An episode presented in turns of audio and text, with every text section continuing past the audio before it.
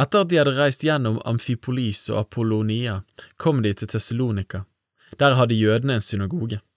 Paulus gikk inn til dem, slik han pleide å gjøre, og tre sabbatsdager samtalte han med dem ut fra skriftene.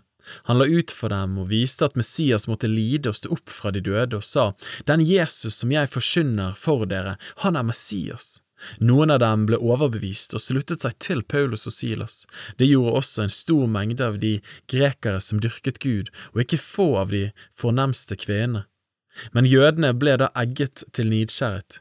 De fikk med seg noen onde menn som gikk og drev på torget, og laget et oppløp som satte byen i røre. Så trengte de fram mot Jasons hus og lette etter dem for å føre dem fram for folket, men da de ikke fant dem, slepte de med seg Jason og noen av brødrene til bydommerne og ropte, Disse som oppvigler hele verden, er også kommet hit. Jason har tatt imot dem, alle handler de stikk imot keiserens bud og sier at en annen, en som heter Jesus, er konge. Både folkemengden og dommerne ble oppskremt da de hørte dette, men da Jason og de andre hadde stilt sikkerhet for dem, lot de dem gå. Men straks samme natt sendte brødrene både Paulus og Silas av sted til Berøa. Da de kom dit, gikk de til jødenes synagoge. Og disse var av et edlere sinn enn de Tessalonikia de tok imot ordet med all godvilje og gransket hver dag i skriftene om det forholdt seg slik som det ble sagt. Mange av dem kom da til troen, og ikke få av de fornemme greske kvinner og mange greske menn. Men da jødene i Tessalonika fikk vite at Guds ord ble forsynt av Paulus også i Berøa, kom de dit og hisset opp folket der også.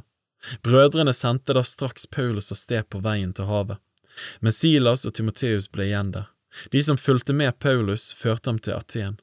Da de dro tilbake, hadde de med seg bud til Silas og Timoteus at de måtte komme til ham så fort som mulig.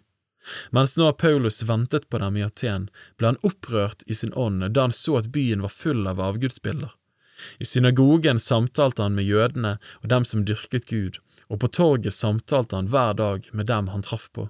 Noen av de epikureiske og stoiske filosofene ga seg i ordskifte med ham, og noen sa hva er det vel denne ordgyteren har å si, andre sa han synes å være en som forkynner utenlandske guddommer. Det var fordi han forkynte evangeliet om Jesus og oppstandelsen. Så tok de ham med seg og førte han opp på Areopagos og sa, kan vi få vite hva dette er for en ny lære som du forkynner? For underlige ting bringer du oss for øre. Vi vil derfor gjerne vite hva dette skal bety. Alle atenerne og de fremmede som oppholdt seg der, ga seg ikke tid til annet enn å fortelle eller høre nytt. Så sto da Paulus fram midt på Areopagos og sa, Atenske menn, jeg ser at dere på alle måter er meget religiøse. For da jeg gikk omkring og så på deres helligdommer, fant jeg et alter med denne innskriften, For en ukjent Gud. Det som dere altså dyrker uten å kjenne, det forkynner jeg dere. Gud, Han som skapte verden og alt som i den er, Han som er Herre over himmel og jord, han bor ikke i templer som er bygd med hender.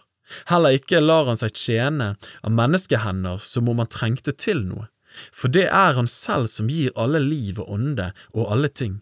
Han lot alle folkeslag av ett blod bo over hele jorderiket, og han satte faste tider for dem og bestemte grensene mellom deres bosteder. Dette gjorde han for at de skulle søke Gud, om de kanskje kunne føle ham og finne ham ennå han ikke er langt borte fra en eneste av oss. For i ham er det vi lever og rører oss og er til, som også noen av deres egne diktere har sagt, for vi er også hans slekt. Da vi nå altså er Guds ett, så bør vi ikke tenke at guddommen er lik gull eller sølv eller stein eller bilde formet av menneskelig kunst eller tanke. Etter at Gud har båret over med uvitenhets tider, befaler han nå alle mennesker alle steder at de skal omvende seg, for han har fastsatt en dag da han skal dømme verden med rettferdighet. Dette skal skje ved den mannen som han har utvalgt til det, etter at han har gitt fullgodt bevis for alle ved å reise ham opp fra de døde. Da de hørte om dødes oppstandelse, spottet noen, men andre sa, Vi vil høre deg tale om dette igjen. Paulus gikk så fra dem, men det var noen som sluttet seg til ham og kom til tro. Blant dem var Dionysius og en av Areopagos-dommerne og en kvinne som hette Damaris, og noen andre med dem.